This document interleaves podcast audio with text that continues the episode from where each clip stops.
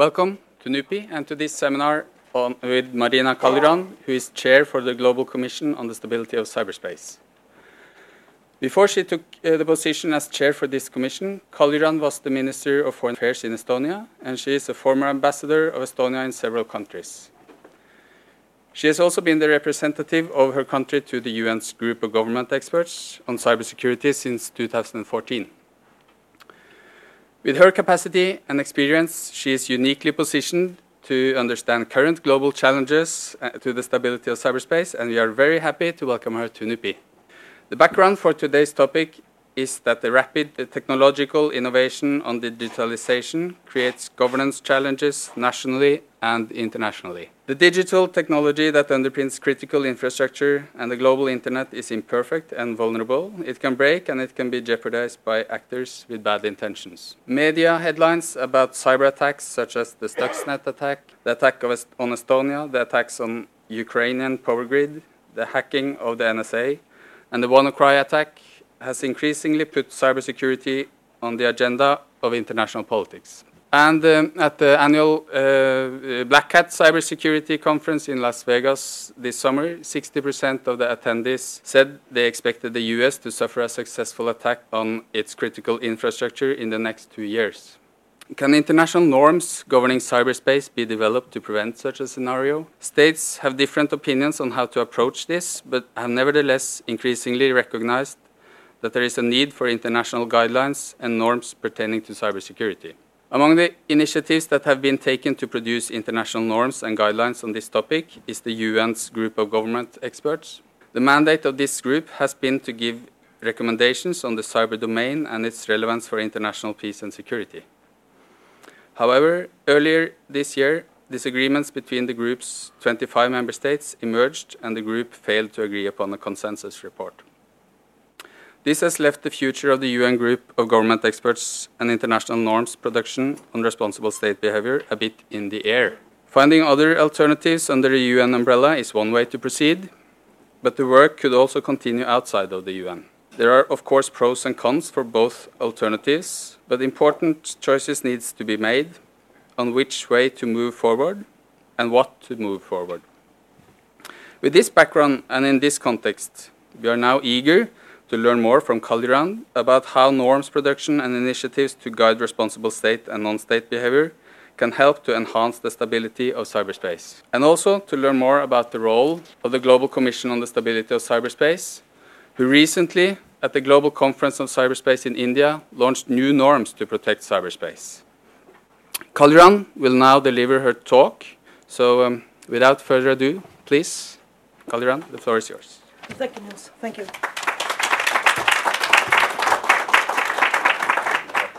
Niels. Thank you. Mm -hmm. Thanks. Well, thank you, Niels. Thank you for a very kind introduction. And uh, I have to say that I'm still connected to the MFA.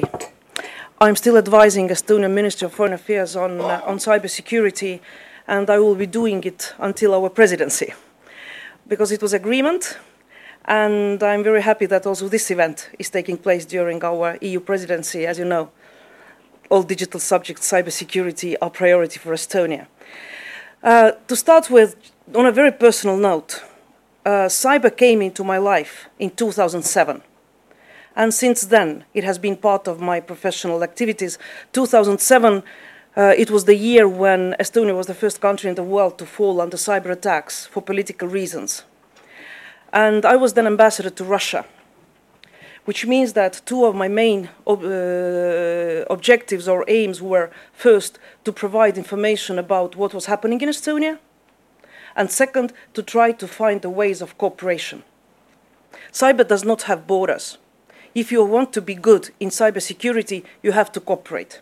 You have to cooperate with others. As you can guess, the first task was easy. I learned what DDoS is. I never heard about that before, but I had to start answering at the press conference. What, what, what, what were the cyber attacks against Estonia, what was happening there, how bad the attacks were, how we were handling them. The second topic, tried to find ways of cooperation with Russian authorities, did not, I didn't succeed there because it takes two to cooperate. And there wasn't any intention or any willingness on Russian side to find who were behind those attacks, or who was sponsoring those attacks, or who was supporting those attacks. So that was my first engagement with cyber. When I was posted as ambassador to the United States in Washington, D.C., it was the Snowden revelation time.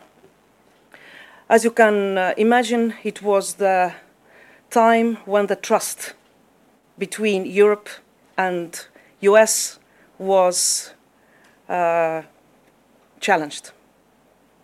The Podesta Commission started working after that in the United States, but the question, the balance between privacy and national security was raised very seriously and is still on the agenda. Even today, we still have discussions about the balance. After that, I was uh, representing Estonia in the United Nations. For those who are not familiar with the acronyms, the GG, it's, uh, uh, it's a, um, a, governmental group of experts under the first committee of the United Nations Peace and Security, and it was launched by UN uh, Secretary General uh, to look into five questions of cyber and international security. First, new threats. Second, uh, new norms of responsible state behavior. Third, applicability of international law to cyberspace. Fourth, capacity building. And fifth, uh, confidence building measures. So that's the, that was what, what the UN group of experts was doing, and I'll come to that later. So that's the background. Having said that, and today, yes, as Neil said, starting from March this year, I'm honored to chair the Global Commission on Stability of Cyberspace. It's an, uh, it's an international platform which was launched at the Munich Security Conference uh, with very strong support of the, well, the idea came from the Dutch. I don't know if there are any Dutch in the audience. Thank you so much for doing that. Thank you so much for doing that. Because what, uh, what Dutch government is doing on cybersecurity and especially on international law, that's absolutely fabulous. So the Commission has been now working for nine months. So it took us nine months to deliver our first norm. And also uh, in, my, in my remarks, I will come more closely to the norm and why we did, we do, why we did that. The Commission has 27 commissioners. Nordics are represented by Carl Bildt I was just looking through the list of commissioners. Unfortunately, he's the only Nordic there, but I'm the only Baltic there. So uh, we have commissioners from US, from Russia, China. Uh, we have uh, Joseph Nye. Uh, we have uh, Vint Cerf, evangelist of internet. We have some hackers. We have human rights experts. We have Microsoft vice president. So you see that the, the body is very wide. Because one of the lessons I have learned Cybersecurity is a topic in the history of mankind and security where governments alone can't do anything. So far, when we were talking about conventional arms, it was very much governments. When we were talking about nuclear weapons, chemical weapons, weapons of mass destruction, it was very much in the government's hands. Cyber has so many actors that governments alone can't be successful. And that's why I personally very much be, believe into the multi-stakeholder approach. And I'm convinced that states and governments alone, without cooperation with private sector, academia, civil society, IT folks, can't be successful. So that was kind of introduction. And uh, as I told Niels, I can speak for hours. I love cybersecurity. I'm a former diplomat. We're trained to speak. So uh, I'll be really happy if we can also engage. So I'll speak for some time, then we can have discussion and see where the topic will go. But to start with, maybe I would like to emphasize today three things. First, I can't escape the attacks of Estonia 2007. Why? Because I would say that the lessons we learned then are still important today. 2007, some things have changed. What has changed? When Estonia joined the EU and NATO and we started talking about cybersecurity, nobody was interested in the subject. Nobody. I don't know when did you when did you start learning cybersecurity? Definitely not 2004. 2000, 2007, after cyber attacks, it appeared on the agenda of all international organizations. Today, name me one organization that is not discussing cybersecurity. Everybody, everybody is discussing, and that's positive. On the negative side, the same questions that we were tackling in 2007, I mentioned just a couple of them.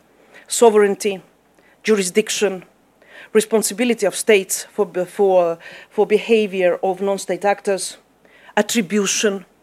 All these questions are still very topical, and we haven't found answers to all of those questions. It's in the process. But we are aware of them, and we are discussing them, which is positive. So what were the lessons Estonia learned from 2007? Very briefly, I will just uh, stop on that. First, first lesson that we learned was that you have to have cybersecurity high on political agenda in a country. Internally, uh, high on political agenda, it means that you have uh, enough financial resources, human resources, and it's being taken seriously. And that's crucial. Second, you have to have your house in order. You have to know within your country who is responsible for what. So the next year, after 2007, we launched our first cyber strategy, which, uh, which divides responsibilities, obligations, and also accountability of different ministries, of different actors in the field. So if, if somebody uh, have, uh, if, if there is more interest than the national strategies of several countries, are on the website of the uh, NATO Center of Excellence, cybersecurity in Tallinn. So if you go to the website Center of Excellence, you'll find the strategies there. Today, we're in the phase of preparing the third strategy, but it helped. You know who is responsible for what, and especially with the gray zones, where the responsibility of one ministry or authority ends and the other has not stepped. And the ministries, they don't give, they didn't give away their power. They fight for power. They want to keep all the subjects to them. And so the gray zones are very easy to, to come and that's one of the questions why you that's one of the that's one of the reasons why you need strategies, why you need a house in order. Third, what we learned, as I said, you can't be efficient, you can't be, do cybersecurity without the assistance of other multi-stakeholders. For us, it was first private sector and industry. 2007, the geeks, cyber geeks, the ones that were working for Estonian banks, came to assist the Estonian government. They did it voluntarily, they did it out of patriotism, and uh, Norway is a rich country. Estonia can never, never afford those geniuses. They're working for private sector. But you have to engage with them in one form or another. In our case, they came out of patriotism, and they stayed. So the next year, the Estonian uh, cybersecurity, uh, cyber defense unit within voluntary military organization was formed. It's still operational. There are 40 plus people there. They all have security clearances. They come from very different fields. There are lawyers, there are IT people, economists, very different fields. But they are the our reach out to private sector. And it was a very political decision in Estonia at the beginning of 90s not to create IT structures within uh, technical IT structures who are providing uh, internet services within the government. It was a very clear political decision to let private sector drive that and to support private sector in uh, creating IT, uh, ICT startups and later providing services. Uh, perhaps no, no, but I still mention Skype was invented by Estonians Finances came from Scandinavia. But the brains, four guys, were Estonians. They sold it, filthy rich, inventing new things. But it was important, I think, for our people to see that something like that is doable. So that's why government started supporting startups. Before startups, government supported education. Tiger Leap, uh, personal computers in all Estonian schools, Wi-Fi, internet connection in all Estonian schools. It took some 15 years before those kids graduated and we started seeing results. So cooperation with private sector. Different di countries have different ways. I don't want to say that the way we did it, the cyber defense unit, is the best one. But what I heard also as a foreign minister uh, traveling around and, and meeting corporations and businesses, they were complaining that nobody's listening to them. And that's not right. We have to listen to them, we have to talk to them, because they are actors. They are the ones who own critical infrastructure, they are the ones who provide online services, they have the knowledge, they have the best experts. And that's why multi stakeholder approach is crucial. That was the third point, yeah? uh, working together with private sector. Four, I would even extend cooperating with uh, academia, IT folks, uh, civil society. When I say IT folks, personally, I see the change in recent maybe years or months that IT community is opening themselves to us. Before, IT community considered themselves being of geniuses who invented internet, who know how to behave in cyberspace, and we were just stupid, ordinary people who push the wrong buttons. In recent years, it, start, it, it has started to change. Uh, I was at the same Black Hat you referred to in Las Vegas this summer, and I listened to the, to the keynote by the Chief Information Officer for Facebook, Alex Stamos, And he was the one who said, we have to reach out, we have to talk to ordinary people, and we have to speak in the language which is understandable to ordinary people. And that's great. I also feel the same in Estonia. Our IT people want to talk to us because they understand that we diplomats, or we people who speak the language that everybody understands, can promote them, can explain what they are thinking, can translate. They are very technical stuff. They are very technical language to the language that everybody understands. And that's crucial. Academia, lawyers. Uh, it has been agreed in the United Nations already in 2013 that international law applies to cyber, full stop. 2015, in the United Nations, it was even said that uh, uh, in international law, in particular, UN Charter in its entirety applies to international law, full stop. But now come the questions how? I'm a lawyer by education. I studied international law. It's confusing. And now put international law into cyber, it's even more confusing. When there is violation or breach of sovereignty, when somebody implants malware in the territory of another country, or when somebody starts extracting information from another country, or when somebody dies in another country, you have to decide where where is the threshold of violation of sovereignty. Because as a sovereign state you're supposed to act then. It's like the violation of airspace. You have violation of airspace you react. You have violation of cyberspace you react. But what is the level where countries have to start reacting? We haven't discussed it. Even in estonia we haven't discussed it 2007 uh, we were we were considering, or there were discussions about whether to whether to trigger or not Articles four and five of the uh, NATO treaty. We didn't. Article four consultations mechanism within NATO. Article five collective defense. Yeah, we didn't. Why? Because the attacks of 2007 they were they were disturbing, they were humiliating to a nation that considered itself being E, e Stellar Star, E Nation, E Estonia. It was humiliating. And it disturbed our people. Our people were not able to access to online, online banking, and trust me, it is a problem in Estonia. I lived in Washington, D.C., I would guess that nobody would even notice if online banking is not working in Washington, D.C. In Estonia, it's a problem. We don't have cash. Okay, it's fun for one day, you can survive two days. Seven days, it's a problem. So for us, it was humiliating and it was really disturbing. But it wasn't enough to say that it was destructive. It didn't kill anybody. It did not destruct anything. So we did not trigger Articles 4 or 5. But these, question, these questions are on the table. And here we need lawyers. Not only the lawyers who are working for the ministries, but real, really good international law experts. And I would draw your attention to the Tallinn Manual 2, if you have heard about it. Tallinn Manual 2, uh, Tallinn Manual 2.0, sorry, Tallinn Manual 2.0 is application of international law to cyber operations. Wartime, peacetime, both. 600 pages. Legal text by 20 experts trying to interpret how international law applies to cyber.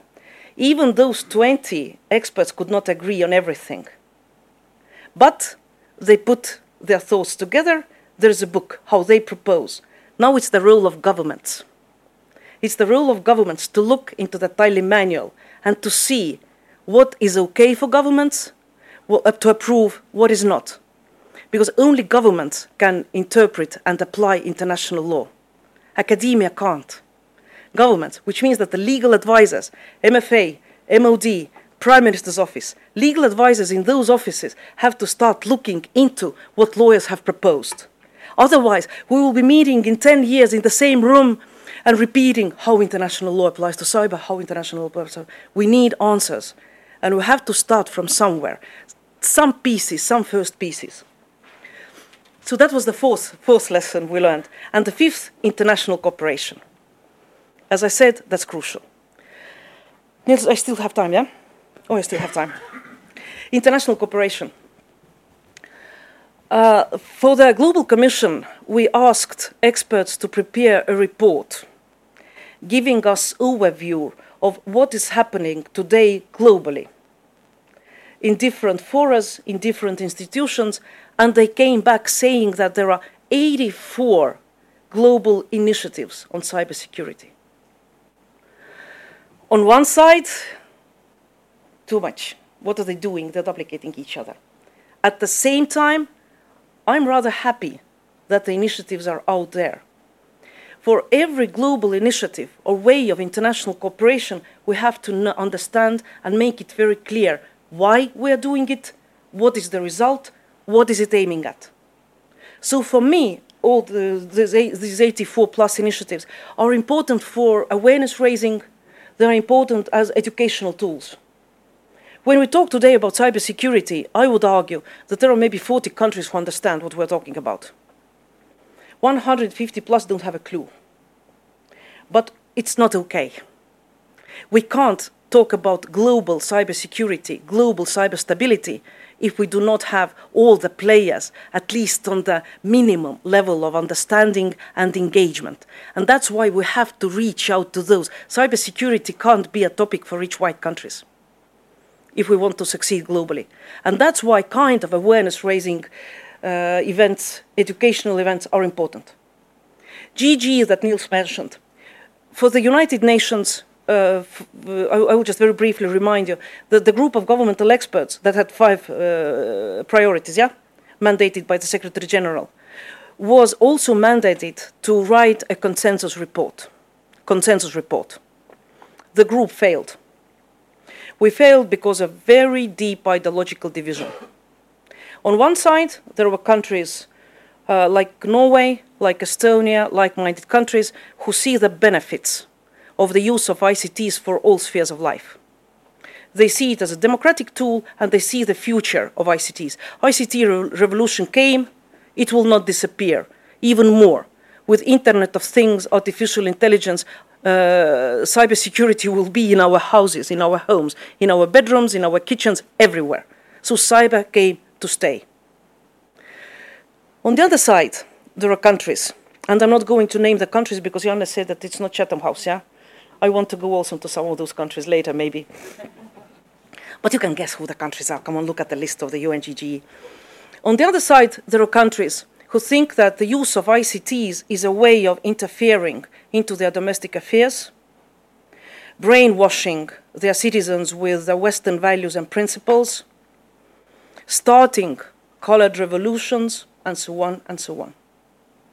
If you follow the recent news coming from China, from the internet uh, conference, then there it was said that China respects international law, but sees cyber sovereignty above it. For me, as a lawyer, it doesn't make sense. If you accede to international conventions, international agreements, then you give up part of your sovereignty because you take on board those obligations. And if you say next day our national law applies and not the obligations of international uh, agreements and conventions doesn't make sense. Why do you then accede to international conventions if you are ruled only by your eternal laws? So, I, for me as a lawyer, I, I don't understand that. A couple of days ago, we read news from Russia that the Russian Security Council ordered their institutions to build up sovereign internet for BRICS countries. So we see that although we're talking about stable internet, we're talking about cybersecurity, there are countries who are thinking differently. And in the United Nations, the division was clear. Yes, we made progress in four soft fields. Yes, we made progress in capacity building, in confidence building, in application of norms, norms which are not international law, but which are political norms. Yes, we made progress there. But we did not make progress on international law.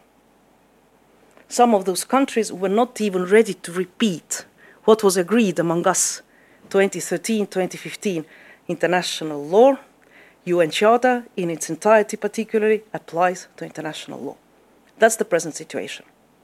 Do I see that in, in the United Nations we can make some progress in the near future? No. And now I come to my point about awareness raising.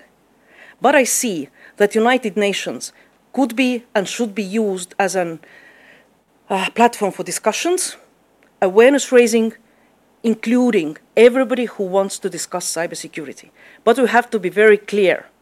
There are not going to be results there are not going to be consensus results, and we have to agree that if the United Nations should decide on consensus basis. Other, other international forums, uh, NATO, cyber defense, EU, uh, digital market, OSCE, confidence building measures, I see that there is a pretty good specialization between international organizations, what they are doing. And now coming to uh, multi-stakeholder approach. I don't know whether it's Microsoft in the audience, because I always clash with them. But anyways, they know that. Uh, Microsoft, an example how industry and business should engage and should be listened to and should participate in cybersecurity. Absolutely recognize it. Although I do not agree to their proposals. Uh, at the moment, there are two proposals that Microsoft has tabled. One of them is to write a new uh, Digital Geneva Convention. Why don't I think, think it's a good idea? I described the ideological divide within the United Nations. I see and I feel and I know that there is no readiness and no willingness for, by international community to write new conventions. I worked in the United Nations. I was legal advisor at some point, and I saw how the conventions were drafted. 30 years of work, and you are still in chapter one definitions.